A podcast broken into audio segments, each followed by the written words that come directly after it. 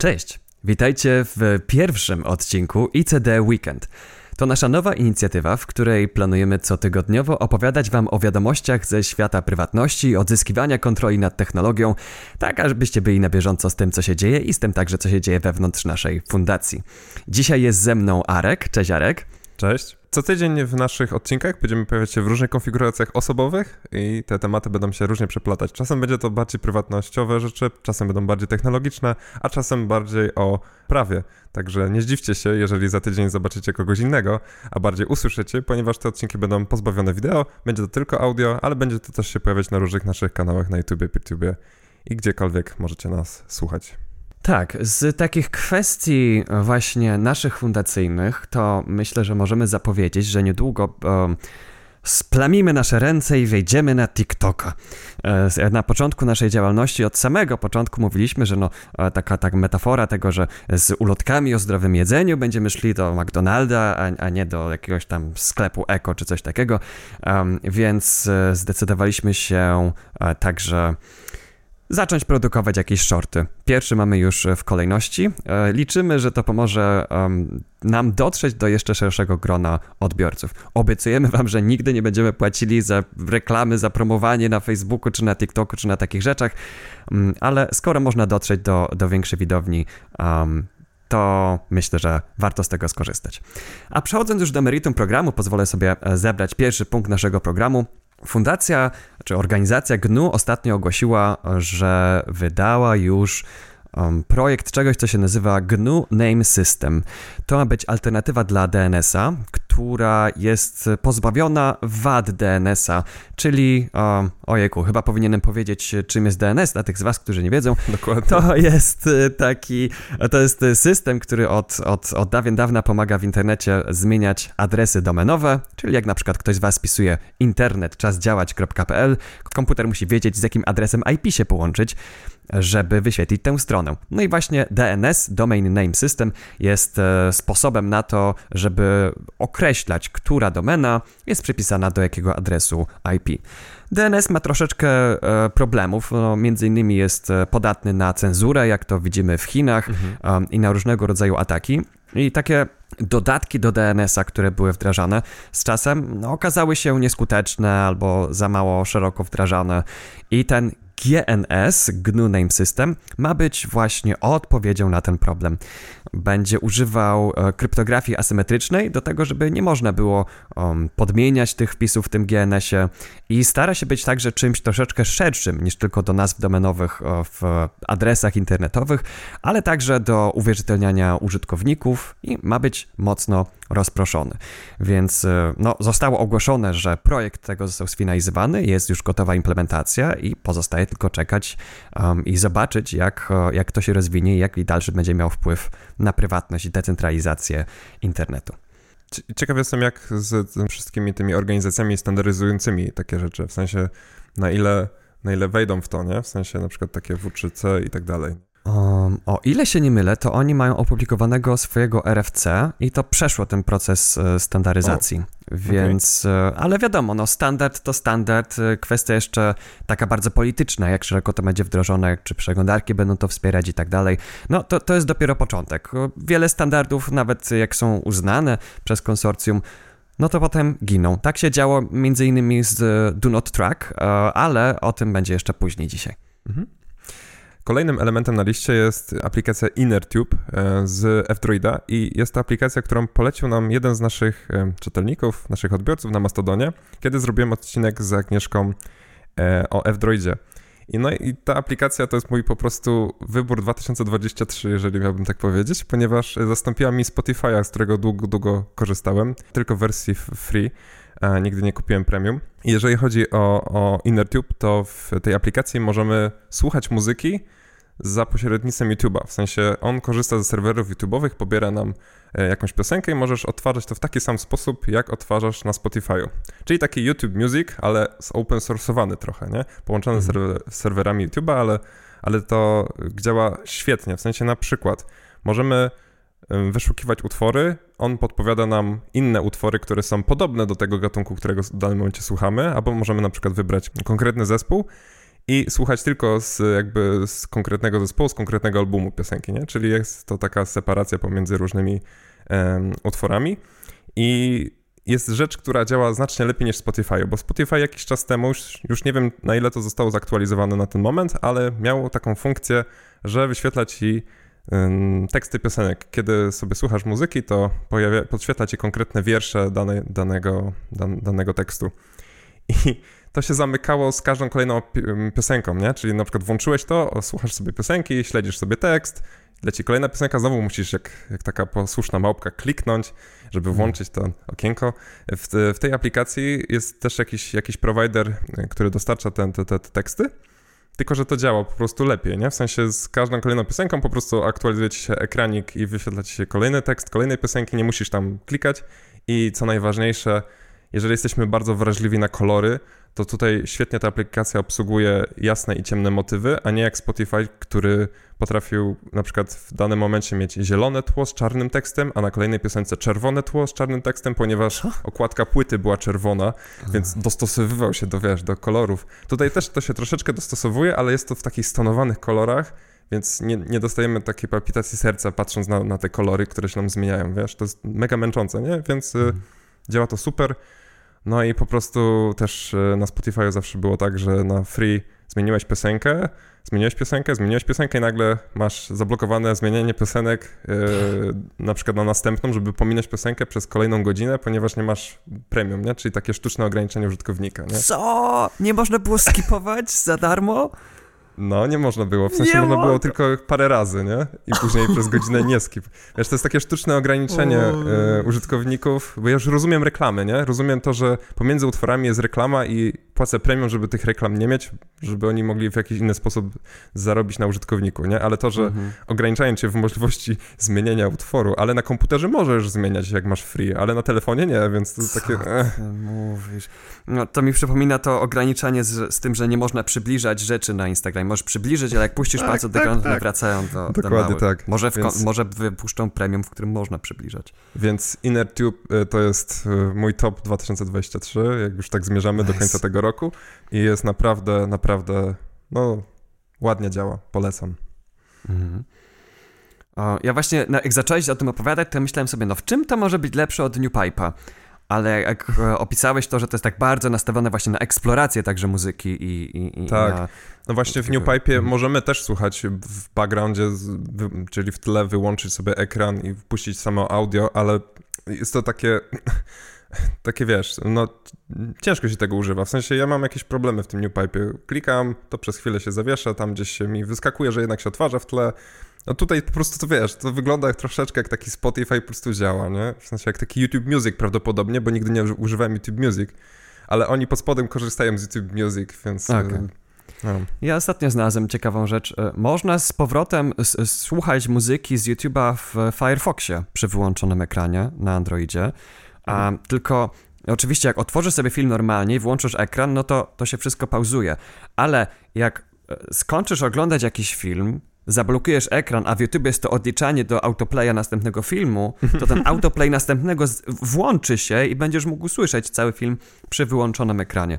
A, więc e, obstawiam, że przy najbliższej aktualizacji to zostanie naprawione, ale wspominki mam z tego, jak jeszcze NewPipe albo go nie było, albo ja o nim nie wiedziałem i Firefox był właśnie taką przeglądarką, która pozwalała po prostu puścić mhm. sobie filmik, wyłączyć ekran i, i słuchać tej muzyki, ale obstawiam, że YouTube'owi się to nie spodobało, dostali jakiś telefon od, od Google, że, że to trzeba naprawić i, i mhm. szybko to mhm. zniknęło. Um, Wspomniałeś jeszcze w liście rzeczy do, do dzisiaj o wspomnienie, masz e, e, V-Music? Tak, V-Music robi dokładnie to samo, ma trochę ekstrawagancki interfejs, E, chyba nie ma tam napisów do piosenek, w sensie tekstów piosenek. Mhm. Taka alternatywa też możecie sprawdzić sobie. Działa podobnie, działa też dobrze, ale InnerTube, no, no top, top. To jest takie antena pod, ale do muzyki z YouTube'a w open source'owej okay. aplikacji. No, Okej, okay, no to naprawdę wysoko postawić poprzeczkę, porównując to do, do antena poda. Okej. Okay. Moje kolejne na liście to jest wspominka o tym, że brytyjski organ nadzorujący ochronę danych osobowych pouczył duże strony internetowe, że mają coś zrobić z tymi okienkami o cookiesach wreszcie. Bardzo, um, bardzo, bardzo stanowczo powiedział e, topowym stronom, że e, odmowa zgody powinna być tak samo łatwa, jak i wyrażenie, i brak zgody powinien być respektowany. E, no, czytając to, bo już, już Wielka Brytania no, nie podlega pod europejskie e, prawo, ale tam nadal to, to prawo, które wdrożyli, żeby mm, GDPR wdrożyć, no to nadal istnieje. Mhm. I tak mi się marzy, żeby polskie UODO robiło takie rzeczy, żeby nie trzeba było e, naprawdę no, upominać się o to tylko i, i wyręczać troszeczkę tego organu państwowego w tym nadzorowaniu, tylko żeby proaktywnie tak działał.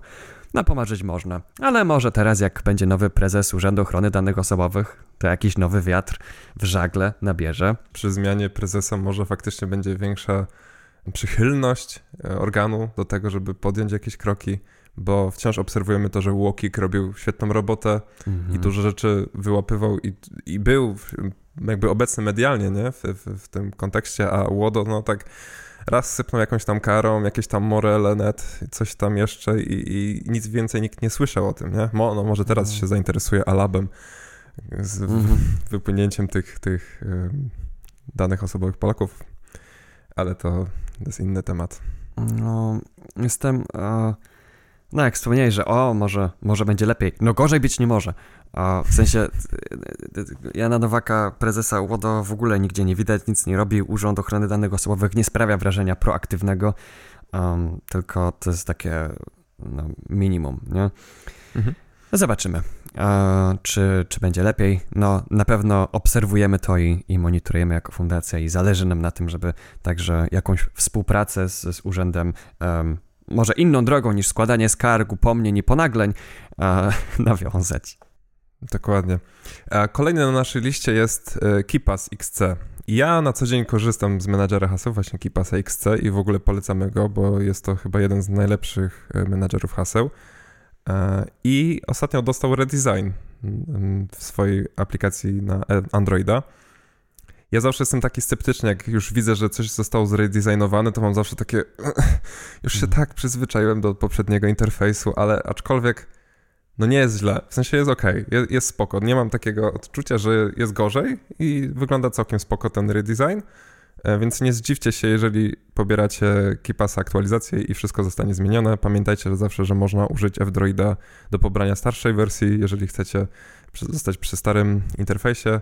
Niemniej jednak warto robić aktualizację, więc to taki, taki remark, że, że no jest, jest właśnie zaktualizowany. I ostatnio też dowiedziałem się, że w Kipasie od chyba roku, jak nie więcej, jest wsparcie dla czytników linii papilarnych, w sensie tak jak na Androidzie możemy odblokować mm, Kipasa biometryką, czyli na przykład dotykiem palca do naszego czytnika w telefonie, tak na komputerze można to zrobić. I w przypadku Apple'a i Windowsa to jest Windows Hello i Touch ID od Apple'a i sprawdzałem działa. I też robią implementację, albo są, jest to jakoś tam rozgrzebane w kontekście Linuxa również, nie? Trochę, trochę później niż, niż te dwa hmm. systemy, ale też są jakieś tam że, um, działania podejmowane w tym kierunku. Moim zdaniem całkiem spoko, aczkolwiek jeżeli chodzi o bezpieczeństwo, to chyba jednak wciąż lepiej wpisywać długie hasło do naszego database'u niż używać odcisku palca. Mhm. Ale jeżeli chodzi o wygodę, no to całkiem, całkiem ciekawe. Tak, to jest, że czasem, albo właściwie bardzo często e, bezpieczeństwo i wygoda są prostopadłe do siebie. No ja tak. ostatnio właśnie mi się zainstalowała ta aktualizacja mm, do, e, do Kipasa, Kipas Exa na, na Androidzie.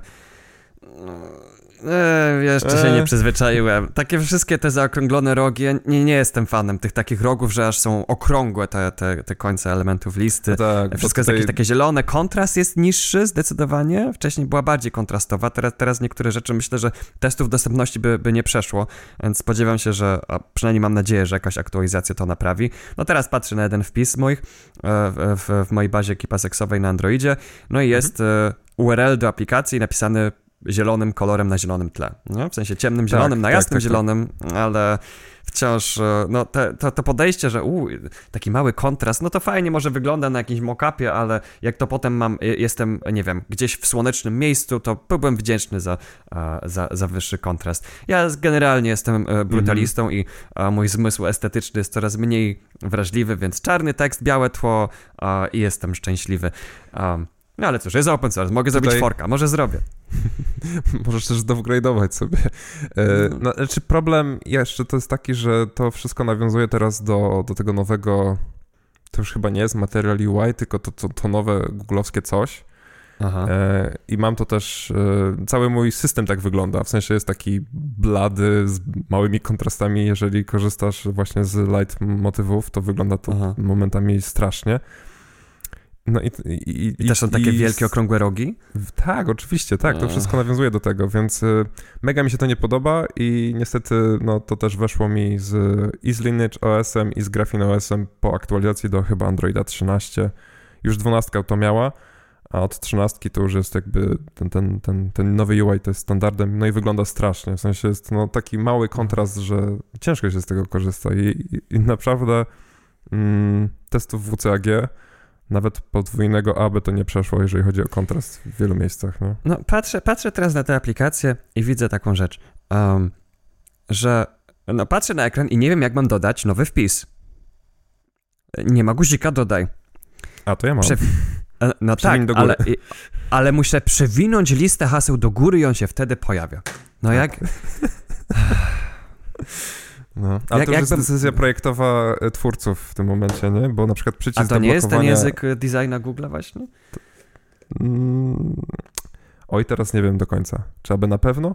Nie zdziwiłbym się, gdyby to był pomysł Google. No, bo na przykład przycisk do, przycisk do blokowania tego database'u całego, twojej bazy danych z hasłami jest cały czas widoczny. Zawsze możesz go kliknąć.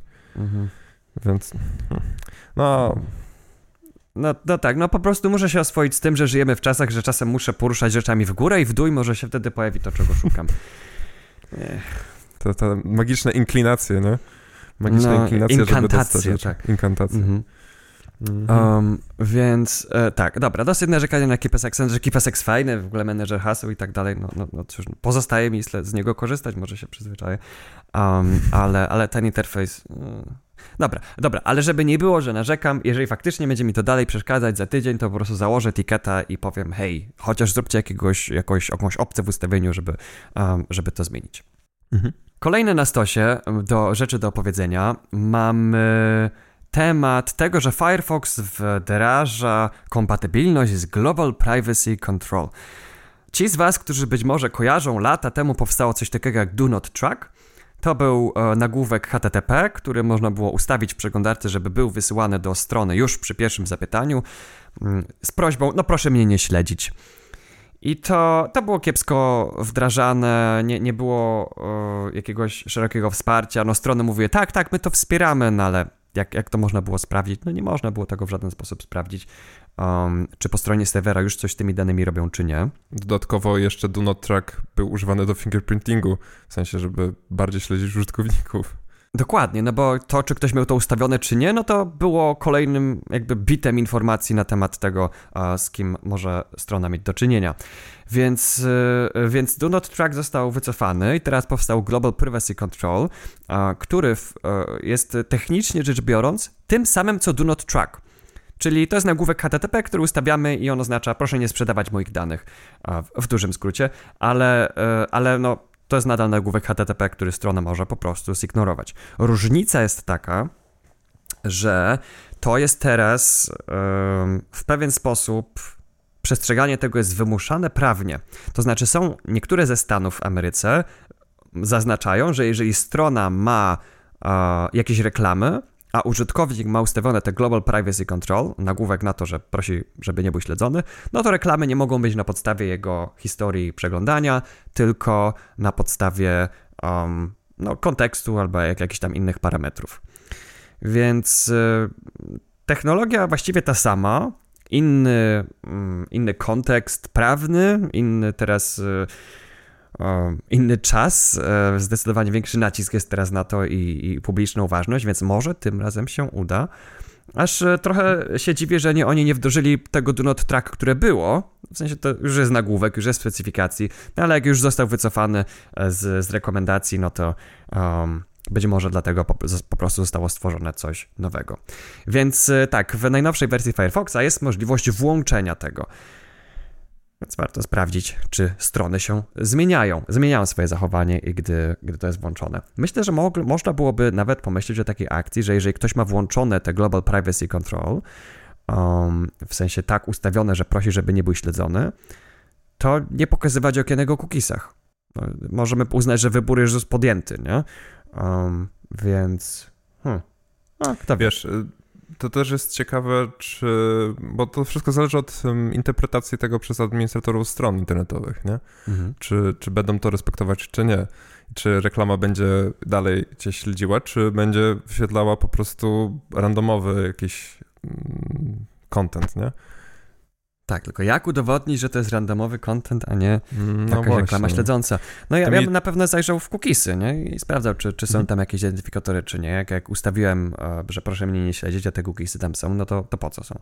Skoro to mi trochę przypomina Privacy Sandbox od Google'a, gdzie kiedyś oni to wprowadzali i tam był taki trochę privacy washing, ponieważ e, dotychczas miałeś te um, third party cookies, które śledziły cię, żeby ci wyświetlić konkretną reklamę, która jest powiązana z twoją historią wyszukiwania w jakiś tam sposób, że na przykład jak szukałeś głośnika do komputera, to później widziałeś głośniki do komputera przez najbliższe 6 miesięcy już po tym, jak zdążyłeś to zakupić. I Google wymyślił coś takiego, co się nazywa Privacy Sandbox. To już dwa lata temu dobre powstało.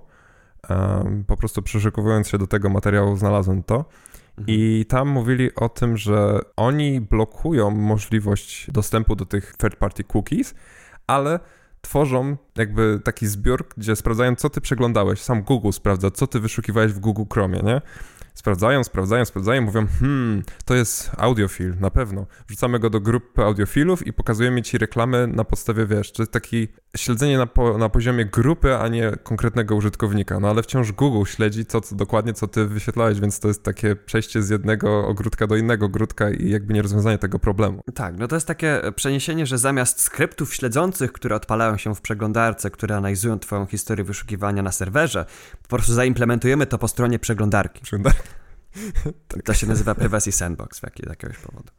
No. W ogóle to jest cudowne. Na, dodać, dodać e, do technologii śledzącej dodać nazwę privacy. To, to jest naprawdę marketingowy, e, no, bardzo odważny marketingowy ruch, godny, godny Google zdecydowanie. No, świetny twist.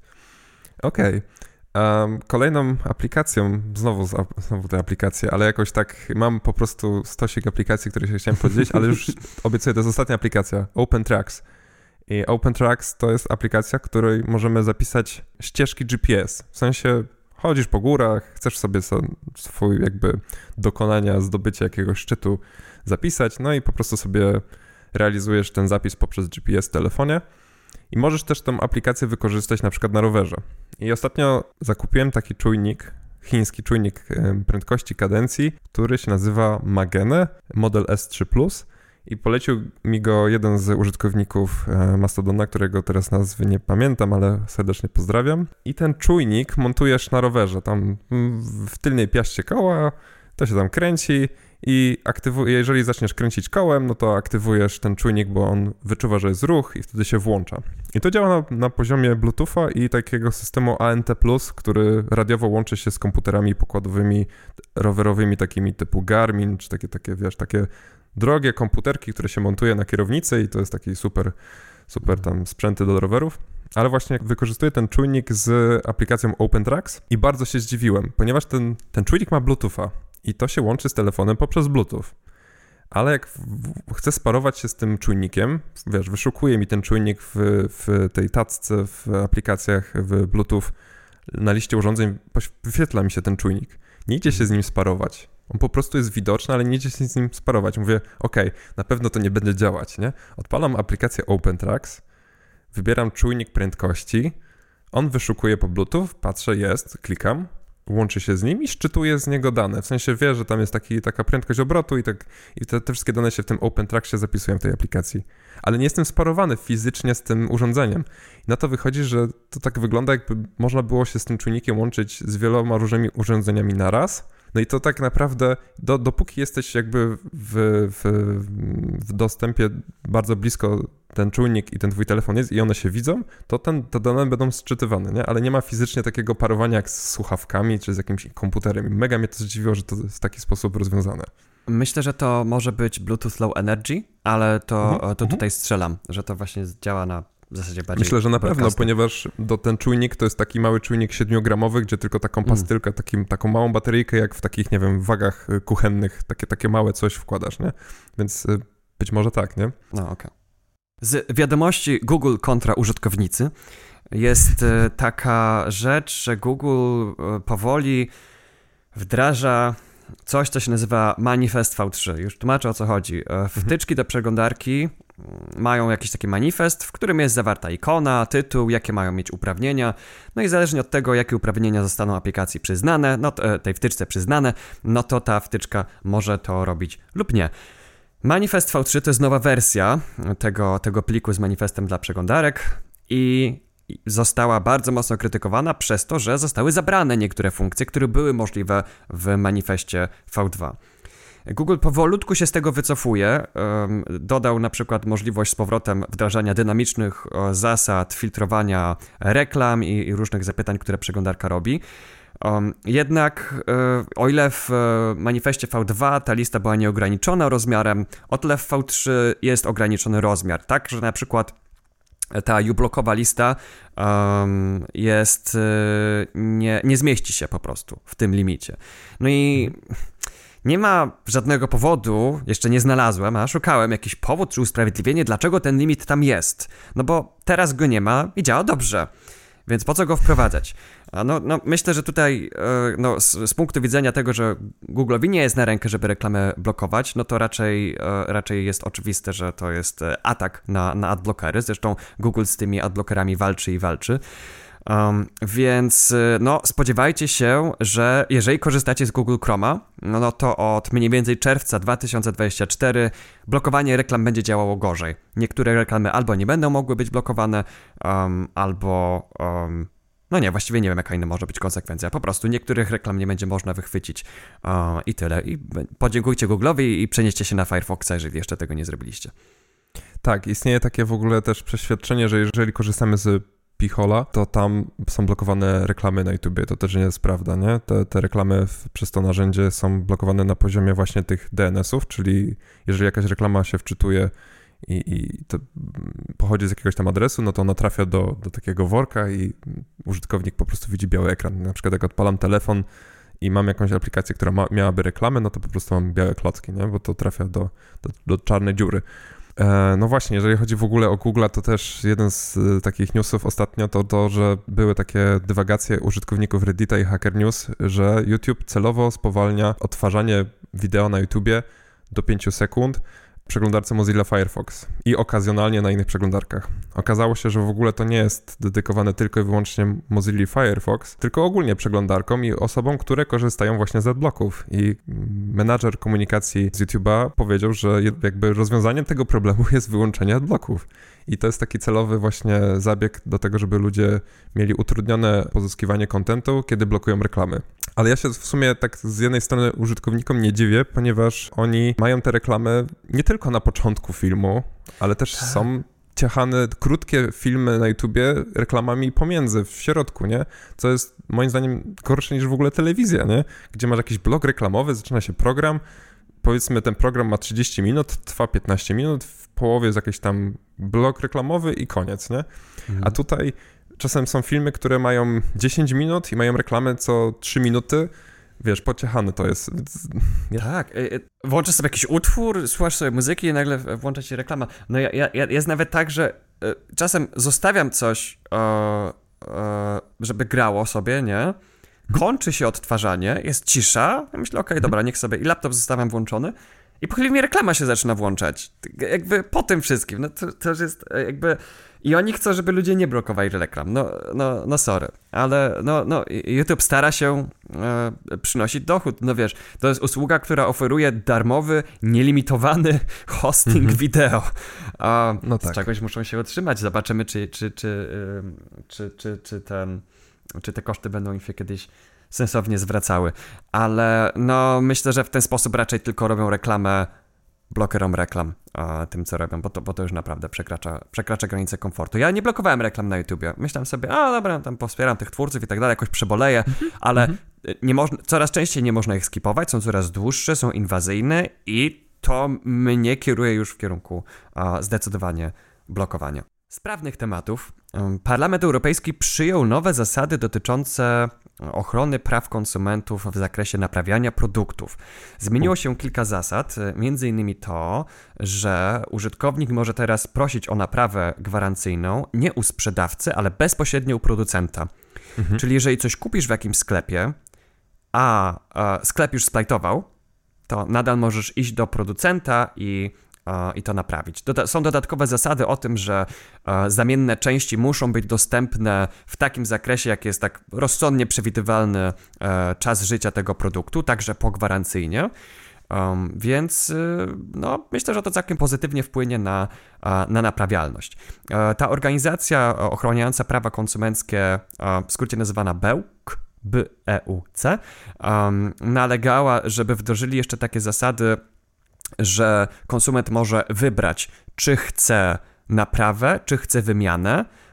No, na to, się parlament, na to się parlament nie zgodził i teraz jest większy priorytet dla naprawy niż dla wymiany, ale dodatkowo jest zasada, że jeżeli masz naprawiany sprzęt, to gwarancja jest przedłużana od tego momentu naprawy o rok do przodu.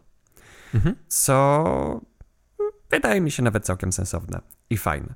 Um, więc y, myślę, że jeszcze troszeczkę czasu zajmie, zanim to wejdzie w życie i zostanie powprowadzone we, we wszystkich e, państwach członkowskich, ale zapowiada się, że jeżeli chodzi o naprawialność, to zrobiliśmy mały krok do przodu jako kraje europejskie. Tak, no, te antynaprawialne techniki, praktyki, które stosują producenci są koszmarne, nie? W sensie na przykład mam jakiś tam odkurzacz i okazuje się, że faktycznie po trzech latach użytkowania i zabudowanego akumulatora wewnątrz, bo to był akurat odkurzacz bezprzewodowy, no po prostu nie masz jak tego naprawić. Są użyte mhm. jakieś customowe śrubki, których nie jesteś w stanie odkręcić nawet, więc jakby jest utrudniona, wiesz, nie dość, że nie dość, że nie możesz naprawić, bo już jesteś po gwarancji, e, no to jest tylko wyspecjalizowany serwis i, i, i, ciężko, ciężko w ogóle o części i tak naprawdę to możesz sobie tym odkurzaczem rzucić o podłogę i, i tyle, nie?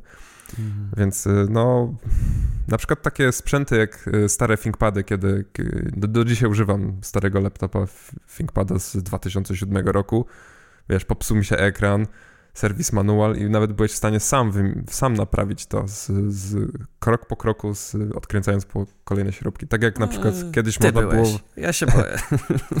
No, im nowsze Ale masz możliwość i masz informacje. Teraz na przykład masz telefony i, i, jest problem z wymianą, wymianą baterii i co, spuchnie ci bateria i w zasadzie jeżeli jesteś jeszcze w okresie gwarancyjnym, no to jesteś szczęściarzem, ale jak ci spuchło pół roku po gwarancji, to w zasadzie... Mm. Kup nowy, napędzaj Kup gospodarkę, nowy. bądź Zrób posłusznym konsumentem. Mhm. no. no tak, jak teraz bym miał polecić komuś laptopa, to mówił kup używanego ThinkPada jeżeli głównie przeglądasz internet i jakieś tam, nie wiem, Tym Allegro bardziej. czy coś takiego, to, to po, po, co kupować nowego? Będzie nowy, zepsuje się za rok, a ThinkPad jak, jak, jak się zepsuje za rok, to, to, to, to może znaleźć części, może coś, a zresztą, no nie wiem, rzadko widzę żeby się komuś zepsuł ThinkPad. Słyszałeś o czymś tak? No nie wiem, to naprawdę trzeba się nie, zrzucić z balkonu e, tego ThinkPada albo coś. Um, bo no po prostu nie widziałem. No, nie zdarzyło się. Ty wiedziałeś? Widziałem, widziałem popsute ThinkPady, ale to raczej było tak, że te po prostu sprzęty już były zmęczone. To nie było tak, że ktoś mhm. je używał dwa lata i po prostu to padło, tylko były używane na przykład 10 lat, 15 mhm. lat i wiesz, no po prostu zmęczenie materiału, typu no ile razy możesz uderzyć w tą spację? No, one mają przewidziany jakiś tam czas życia tak. i ilość kliknięć i w końcu to po prostu pada i no i trzeba wymienić albo cały komputer, albo właśnie część, jeżeli jest jeszcze taka możliwość. Nie? No, no na przykład z moim ThinkPadem wymienianie niektórych rzeczy już jest absolutnie trudne. Co najwyżej mogę kupić, wiesz, yy, popsute części, jakieś, jakieś zwłoki z jakiegoś innego ThinkPada i przekładać to i to czasem da się zrobić. Na przykład okay. tak matrycę wymieniłem i działa do dzisiaj, ale no jakby to jednak są bardzo długi czas, długi okres, to jest już 16 lat, nie, od, od zakupu, mm -hmm. więc jakby no no. Więc spoko. Okej. Okay. E, kolejną rzeczą na liście jest znowu YouTube. I teraz tak ostatnio oglądałem coś na YouTubie i się zdziwiłem, że podświetlił mi się przycisk subscribe tak automatycznie jakimiś, jakimiś, jakimiś kolorowymi tam gwiazdeczkami, coś takiego i okazało się, że teraz YouTube wprowadził jedną z takich funkcji, że jeżeli powiesz e, subskrybuj albo lajkuj, to oni podświetlają o, konkretne elementy interfejsu, żebyś na pewno zauważył to i żebyś na pewno kliknął. I, i, ja myślałem, że to się losowo i, dzieje. Nie, nie, nie, nie. To, nie.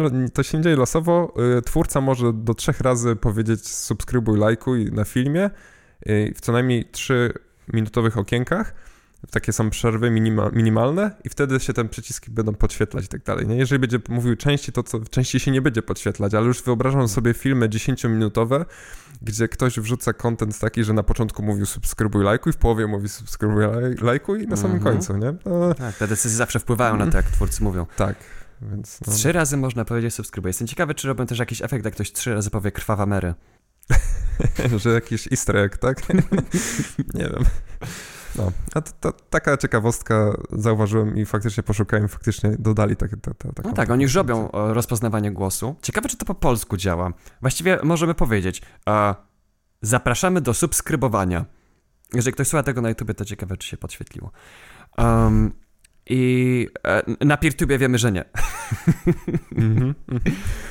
um, chociaż może w następnej wersji. Kontynuując jeszcze tematy googlowych produktów, to wyszła sprawa, kontynuacja sprawy, jaką um, deweloper gier Epic, twórca Fortnite'a, e, mhm. rozkręcił już jakiś czas temu, dotyczącą tego, że no, Epic chciałby móc zbierać kasę za jakieś tam mikrotransakcje czy subskrypcje, bez dawania haraczu Google'owi i Apple'owi. Mm, I w trakcie postępowań przed sądem wyszło na jaw, że Google nie traktuje wszystkich podmiotów równo. To nie jest tak, że od wszystkich zbiera te 15%, tylko od Spotify okazało się, że był taki sekretny deal, że jak ktoś założył w Spotify'u konto i opłacał to przez, e, przez te googlowskie serwisy, e, no to pobierali tylko 4%, a nie 15%. Mhm. Czyli znowu tutaj duzi gracze mają łatwo, a mali gracze mają trudno. Więc e, no, e, zobaczymy, jak to wpłynie na oburzenie innych deweloperów, którzy traci 15% swojego przychodu e, na rzecz Google, jak się, jak się dowiedzą, że a takiemu Spotify'owi dawało Google mniej. No oczywiście prywatna firma może sobie robić takie deale i tutaj jakiś taki deal z taką firmą, z taką firmą, jakiś inny deal. Mm, niemniej jednak, no, e, myślę, że to e, wpłynie jakoś na opinię Google'a w, w oczach deweloperów i wydaje mi się, że to zmierza w takim kierunku, że prędzej czy później zobaczymy sytuację, że jednak e, ten haracz będzie opcjonalny. W sensie, jeżeli będziesz korzystał z tych usług subskrypcji za pomocą Google'a, to Google Pay czy coś takiego, no to oczywiście pewnie tam będą prowizje, ale obstawiam, że pojawią się prędko takie opcje, że możesz po prostu w aplikacji wpisać numer karty kredytowej a, albo jakoś przez przeglądarkę zasubskrybować i, um, i, i tam prowizji nie będzie. Ale to tylko czas pokaże. E, kolejną rzeczą, tutaj przeskoczymy teraz na Instagrama, CEO poinformował o tym, że wprowadzają możliwość pobierania reelsów publicznych normalnie na, na, do, do twojej galerii na telefonie. Czyli masz po prostu przycisk pobierz filmik, nie? Podobnie jak to robi, jak to robi TikTok, mm, tam też chyba można pobierać. I, i tak mówię, okej, okay, no spoko, nie? mogę pobrać, czyli nie muszę użyć, e, jeżeli korzystam z Instagrama, ale nie korzystam. Jeżeli bym korzystał, no to mogę sobie zapisać jakieś publiczne wideo od kogoś. I to jest spoko, tylko już to można było zrobić wcześniej, nie? Mhm. Typu, typu narzędziami YouTube DL i tak dalej. I widziałem taki jeden komentarz, że ktoś napisał: O nie, ja nie chcę, żeby moje filmy były pobierane. No i teraz taki, takie, taka nasza uwaga, że hej, wszystko co wrzucicie do internetu, można w jakiś sposób pobrać. Nawet jeżeli to ma DRM-a, nawet jeżeli to jest Netflix z jakimś serialem, wszystko się da zrobić i wszystko da się w jakiś sposób zapisać, zarejestrować i pobrać. Więc na przykład na takim PeerTube przyciski download zawsze były i możesz pobierać te filmy bez żadnych ograniczeń. Więc to jest takie, wiesz, y, sztuczne ograniczenie użytkownika, że tego nie możesz pobrać, albo tego nie możesz, tak jak powiedziałeś wcześniej, powiększyć i przyjrzeć się jakimś szczegółom na zdjęciu. No, technicznie możemy pobierać rzeczy z internetu, więc bardzo mi śmieszy, że robią z tego news. Hej, możesz pobierać reelsy z Instagrama. My, my, myślisz, no. że jak dadzą możliwość zoomowania obrazków, tak żeby to zostało e, Też zoomowane to po opuszczeniu palca, to ludzie będą się oburzać, ja nie chcę, żeby ludzie zoomowali moje obrazki. zobaczą, że ktoś coś usunął ze zdjęcia, wiesz, że jakiś tam kiepski retusz, nie? No. Albo że coś się odbija w oku, jak w CSI Miami. Tak, tak. Okej. Okay. Następny punkt. No, pojawiła się y, ta cała dyskusja dookoła tego, że Facebook, czy tam Meta wdraża płatną wersję, która jest bez śledzenia. Mhm. No, dyskus publiczny, y, który ja, z którym ja miałem do czynienia, no, zmierzał w tym kierunku, że przecież prywatność to jest prawo fundamentalne i nie powinniśmy za to płacić mhm. dodatkowo. Tak, y, takie stanowisko też zabrał Max Schrems z Noibu. I no, no, ciężko się z tym nie zgodzić. Jakby taki, podążając taką o, metodą równi pochyłej, no to, to, to, to co, co następne? Będziemy płacić za możliwość głosowania? Um, czy, y, czy będziemy płacili za, za, za niewzięcie udziału w referendum? No, y, to, to, to, to jest troszeczkę. Oczywiście, no tutaj porównujemy to, wiadomo, instytucje państwowe do, do, do firm prywatnych, ale no, niemniej jednak ta cena, jaką, jaką meta żąda za funkcję nieśledzącą, wydaje mi się raczej zaporowa, żeby ludzie tego nie brali i, i, i mieli iluzję wyboru. Więc też... E, też... zobaczymy, czy to się obroni przed UOD jako dobrowolna zgoda, no bo widzę sytuację, w której jeżeli kogoś nie stać na to, to nie ma dobrowolności. A, więc jeżeli wyrazi zgodę, to że ona jest ważna prawnie, to, to, to na pewno będzie e, kontestowane i zobaczymy, jak to się rozwinie. Wiesz, też widziałem na Mastodonie jakieś głosy, że e, te zakupienie tego, tego, tego, tego Facebooka Premium, nazwijmy to tak, i tak powoduje to, że widzisz jakieś w swoim tym feedzie jakieś takie posty, nie koniecznie reklamy, ale coś, co Facebook dodaje, dodaje jakieś tam sponsorowane rzeczy. Więc y, tak w zasadzie to płacisz za to, żeby nie być śledzonym, ale jakieś reklamy i tak się do ciebie przewijają, więc... Tak, jeszcze trochę z ciebie wydają.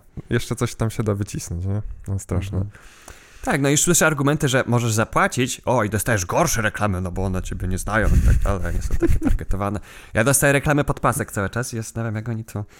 Um... Jak oni to tak. zdecydowali. Tak, tak. Jeszcze raz usłyszę wydzielina i się wkurzę po prostu. Ale to dobrze, to w takim razie nie jestem w stanie ciebie zidentyfikować poprawnie. No może moje no. skrypty, znaczy no, no, no, no, może te skrypty, te, może korzystanie z Firefoxa i te całe te, te, te sandboxowanie e, właśnie przez to działa. Um, no, no, no, może tak, może mam na własne życzenie tę reklamę pod pasek, masz rację, masz rację. E, kolejnym tematem jest e, w zasadzie rzecz poruszana przez Panoptykona i jest to o tym, że komunikacja miejska w Warszawie ma być bardziej śledząca i tam wysłali właśnie pismo do, do ZTM-u warszawskiego, ponieważ nadchodzą różne zmiany. Ma być jakiś nowy system biletowy, wyliczane na przykład to, ile tam kilometrów przejechałeś i za to będziesz dokładnie płacił, czyli za taką twoją faktyczną, powiedzmy, podróż i tak dalej.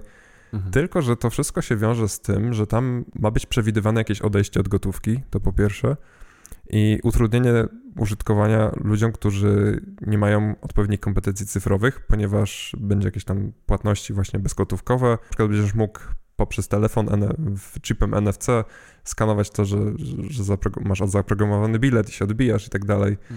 Mm. Bo na przykład ostatnio jak jechałem w Warszawie, to wiedziałem, że po prostu na przykład w mobilecie zakupowałem bilet i musiałem zeskanować QR kod, który był wewnątrz pojazdu i że to jest, że to jest niewygodne, że to jest trudne i że że chcą teraz, wiesz, stworzyć coś takiego, co będzie wymagało tego, żeby każdy miał e, obligatoryjnie posiadał dedykowane konto pasażera, żeby móc podróżować, co w pewien sposób jest takim naruszeniem prywatności, ponieważ będziesz miał utrudnione anonimowe poruszanie się po Warszawie, korzystając z komunikacji miejskiej.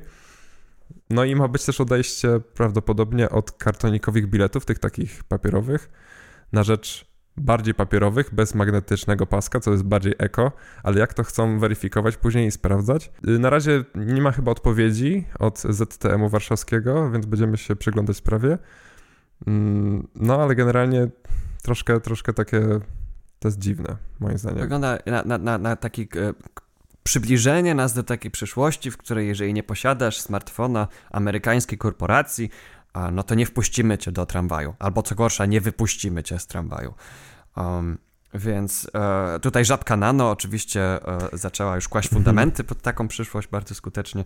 No i nie tylko Żabka, wiesz, e, dzisiaj obserwujemy coś takiego, że masz e, tą całą aplikację Lidla i jak, jeżeli jesteś starszą osobą, która no nie posiada smartfona, to jesteś wykluczony od promocji, które Lead oferuje, tylko i wyłącznie w aplikacji, tylko i wyłącznie jeżeli wejdziesz w aplikację, aktywujesz kupon i zeskanujesz go przy kasie. I mhm. nawet nie ma kart tam, nie? Bo na przykład w Biedronce częściowo że, niektóre rzeczy są rabatowane poprzez y, po prostu posiadanie karty Biedronka i to może być karta fizyczna albo po prostu y, smartfon. Niektóre rzeczy są tylko wyłącznie w smartfonie wciąż ale jest ta karta. Możesz, niektóre rzeczy można faktycznie kupić taniej, używając karty i taka starsza osoba, jeżeli założyła sobie kartę, no to tą kartę jakoś, jakoś tam wykorzysta przy kasie, no ale nie wyobrażam sobie jej z telefonem, z jakimś smartfonem.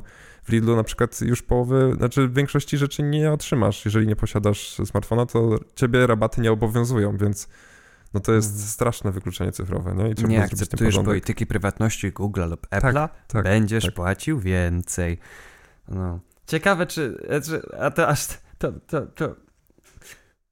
Najbardziej mnie demotywuje to, że Lidl czy, czy prawdopodobnie nie dostaje żadnych prowizji od Google'a i od Apple'a za zwiększanie rynku mhm. smartfonów i utwierdzanie tego duopolu. A tylko oni to robią z własnej woli, da, dają taki prezent dla, dla, tej, dla tej wielkiej firmy, która im się Wiesz, wcale za to nie odwdzięczy.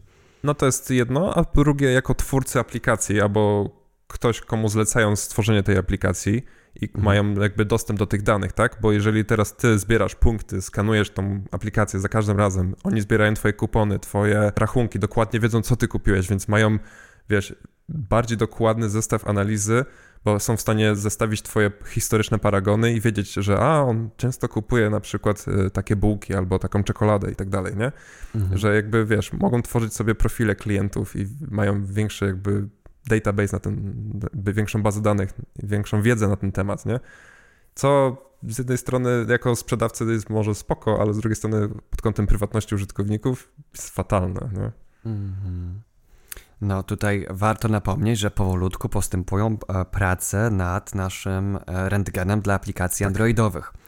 E, proof of concept już mamy, udaje nam się deszyfrować ruch z wielu aplikacji i sprawdzać, co one tak naprawdę robią. Więc e, już jesteśmy bliżej niż kiedykolwiek momentu, w którym jesteśmy w stanie wziąć taką aplikację Lidla pod lupę i zobaczyć, co ten Lidl się o użytkowniku dowiaduje. Z dobrych wiadomości za to warto powiedzieć, że niemiecki rząd opublikował zestaw narzędzi um, open source'owych do mhm. zarządzania różnymi rządowymi sprawami. Niestety strona jest po niemiecku, więc y, y, ja się jeszcze nie miałem okazji dokładnie wczytać e, o co, co dokładnie te aplikacje robią, ale wydaje się całkiem zaawansowane i e, to jest kolejny krok tego, że e, Niemcy stawiają na samodzielne, samohostowane, na taką suwerenność cyfrową mm, i otwierają także te rozwiązania dla innych. E, no, my już e, od dłuższego czasu planujemy e, poruszyć szerzej taki temat, że no, bardzo dużo kasy jest zmarnowane na wdrażanie tych samych rozwiązań od nowa w każdym samorządzie, czy tam w każdym powiecie. No, mnóstwo kasy publicznej, a to jest przepalane, a gdyby to zrobić open source, można by to było zrobić raz, każdy powiat by sobie z tego korzystał um, i, i byłoby z górki, więc Niemcy wydają się iść w tę stronę. E, zobaczymy. Być może kiedyś zobaczymy coś takiego e, w, w Polsce. Chociaż e, no, wyobrażam sobie niektóre komentarze, że nie, z niemieckiej aplikacji nie będziemy korzystać, my zrobimy własne. Ale, ale kto wie. Te, te, te no, w, no, open source jeżeli chodzi o optymalizację kosztów, fajno, no są pewne ryzyka, że skoro kod jest otwarty, no to jeżeli tam jest jakaś dziura, no to ktoś po prostu może od razu ją poznać na podstawie kodu. Mm. Um, więc, więc tutaj na, na, dwoje babka wdrożyła, jak to, jak to się rozwinie, ale fajnie jest obserwować, że, że, że, że no, Niemcy, no kraj e, niepozbawiony znaczenia na, na, na, na scenie międzynarodowej, robi takie rzeczy. Mam nadzieję, że inne kraje się przyglądają i patrzą, w którą to stronę pójdzie my na pewno się przyglądamy.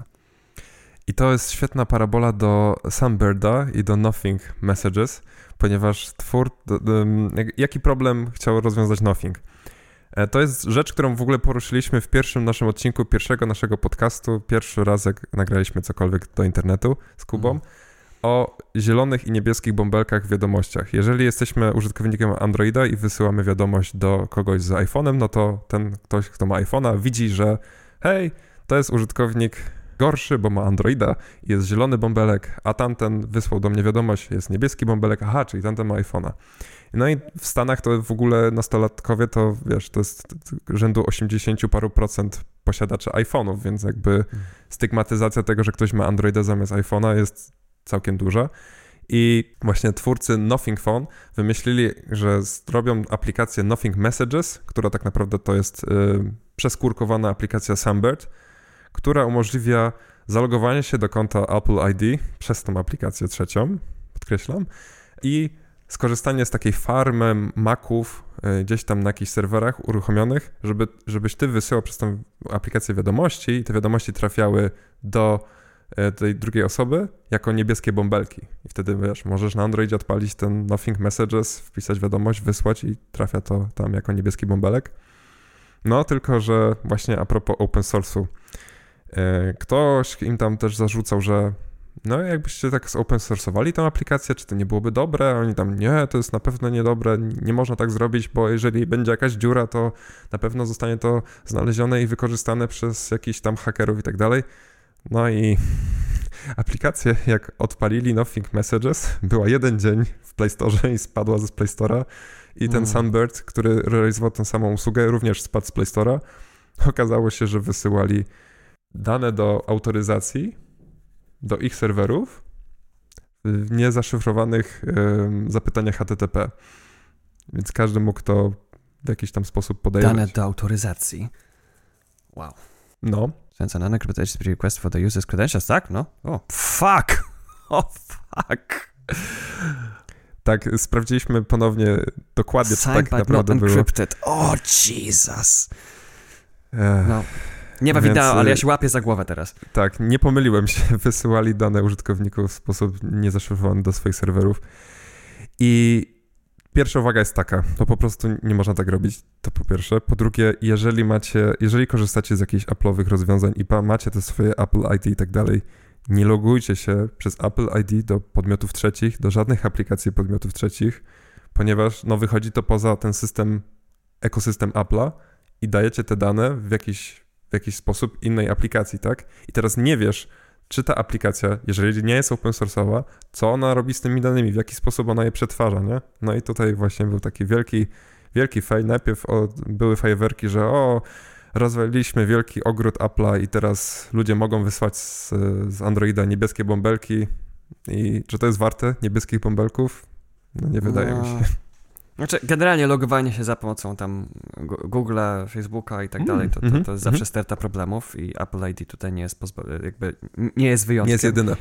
Um, ale tak, no tutaj niestety daje to paliwo, ta cała, to całe fiasko do rozmów o interoperacyjności, bo właśnie te, te, te wszystkie komunikatory, które nie chcą mieć interoperacyjności, mówią, o, ale na przykład tam od Whatsappa, że no jak będzie interoperacyjność, to będzie mniejsze bezpieczeństwo, nie? Co, co to nie, no można zrobić protokół, że to będzie bezpieczne i szyfrowane i tak dalej. A tutaj takie fiasko i oni mogą teraz pokazać, tutaj ktoś próbował zrobić interoperacyjność i bezpieczeństwo było mniejsze, no ale to nie z wyniku, to nie była kwestia samej interoperacyjności, tylko po prostu, no ktoś zrobił fuszerkę. Ja naprawdę, ja, ja przepraszam, że się wciąłem, jak go powiedzieć o tych danych e, uwierzytelniających, niezaszyfrowanych, bo mi się nie chciało w to wierzyć. E, naprawdę, że, że, że aż tak, ale w istocie tak było. To, to, to, to jest niewiarygodne i szokujące. Mo mocny, no, mocny punkt, naprawdę. Wow. I tak właśnie powinniśmy zawsze pamiętać, jeżeli mamy możliwość logowania się do jakiegoś serwisu za pomocą po prostu maila i hasła, to wygenerujemy sobie nawet 10-minutowy mail i zalogujmy się tam, jeżeli ten serwis nie jest warty tego, żeby podawać nasz prawdziwy mail albo użyjmy jakiegoś aliasu, ale nie korzystajmy z właśnie logowania przez Google, Apple i, innych podmiotów. No to jest takie może... wygodne. No tak, tak, to może wyglądać wiele problemów. Okej. Okay. I na sam koniec materiał od Ubisoftu. Branża gier chyba nigdy nie przestanie zadziwiać użytkowników, bo mamy te mikrotransakcje, mamy różne tam dodatkowe DLC, do, dodatki do gier, które możesz kupić za dodatkowe pieniądze i tak dalej, i tak dalej, i tak dalej. Są reklamy też w grach i etc., nie? Ale właśnie problem jest tego typu, że Ubisoft zaczął pokazywać reklamy w Assassin's Creed Odyssey podczas gameplayu. W sensie to wygląda tak, że zaczynasz sobie grać. Ta gra, wiesz, to jest, to jest AAA, to jest bardzo droga gra, w sensie, mhm. droga w sensie, no, wyszła na różne konsole, na różne, na pecety i tak dalej. No i grasz sobie w tą grę, zapłacisz za nią duże pieniądze, wchodzisz w mapę albo w menu gry i pokazuje ci się wielka reklama na wielki ekran, która ładuje się przez 3 sekundy, bo jest pobierana z serwerów Ubisoftu i musisz podjąć decyzję, czy chcesz zakupić inną wersję Assassin's Creed z jakąś promocyjną kwotą, czy też anulować to i wtedy przechodzić do tej mapy albo do tego menu. Dzieje się to za każdym razem, kiedy ty wchodzisz w ten, podczas gameplayu, kiedy ty wchodzisz do tej mapy albo do tego menu, czyli pauzujesz grę albo wchodzisz w mapę. Dla mnie to jest w ogóle, wiesz, to jest, to jest jak policzek w, w, w stronę użytkowników, nie? Bo nie dość, że mhm. zapłaciłeś za tą grę, chcesz tę grę grać, to jeszcze jesteś bombardowany reklamą tak bardzo inwazyjną, która, wiesz, interferuje z twoim gameplayem. No, mm. straszne. Ała, no. Wiesz co, ale tak jak powiedziałeś, ta, ta, ta branża gier AAA jest... Y, no, no, jak je lootboxy, to reklamy, jak, jakieś... Zawsze coś wymyślą. No, po prostu mam wrażenie, że oni bardzo chcą zniechęcić graczy do siebie. No ale prawda jest taka, że jak ktoś ma tak solidną markę jak Assassin's Creed, to może sobie pozwolić na takie coś, bo ludzie tak siak to kupią. I póki ludzie nie zaczną głosować portfelami i stwierdzać, ej, nie chcę tego, chociaż to już jest za późno, no bo zapłaciłeś za to, nie? No co, nie wiem, czy jest mm -hmm. opcja zwrotu, czy nie. Myślę, że jak już przegrasz ileś tam godzin, no to już opcji nie ma. Um, mm -hmm. Warto byłoby sprawdzić, czy te reklamy nie włączają się, jak już właśnie ten czas gry minie dopiero, żeby zwrotu nie można było robić. Też bym się nie zdziwił, jakby tak było. Nie mówię, że tak jest, ale może, no, myślę, że to technicznie jak najbardziej możliwe.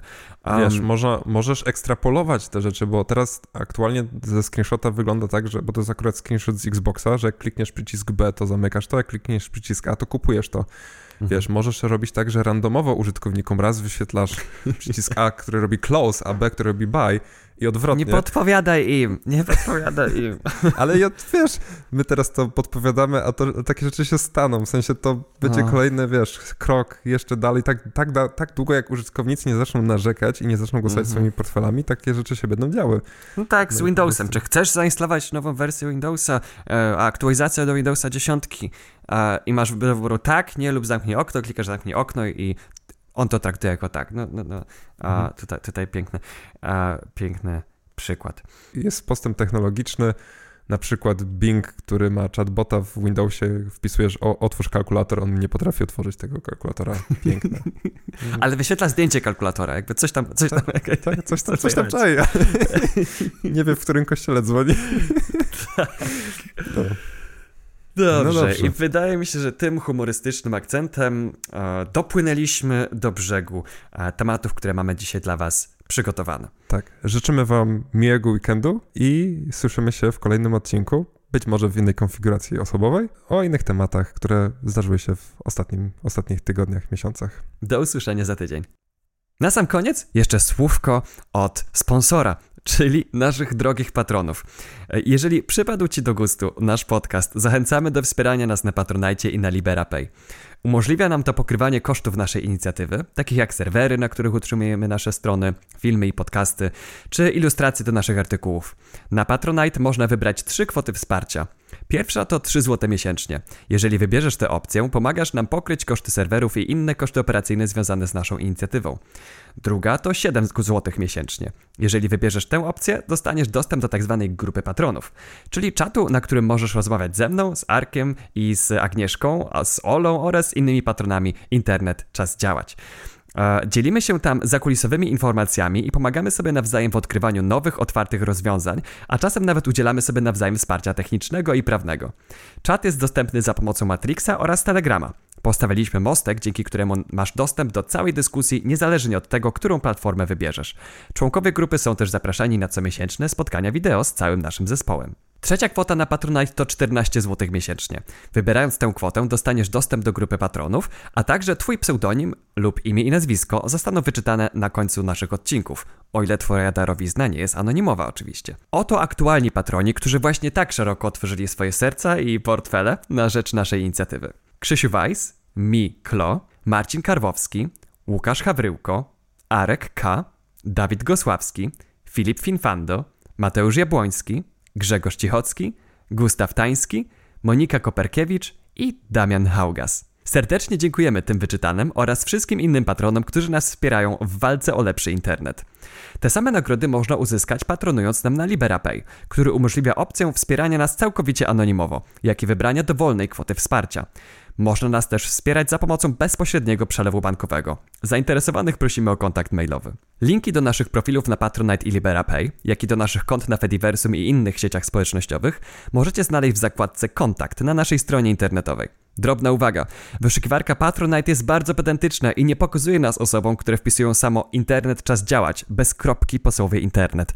Najlepiej zatem jest nas znaleźć właśnie w zakładce Kontakt na www.internetczasdziałać.pl. Do usłyszenia.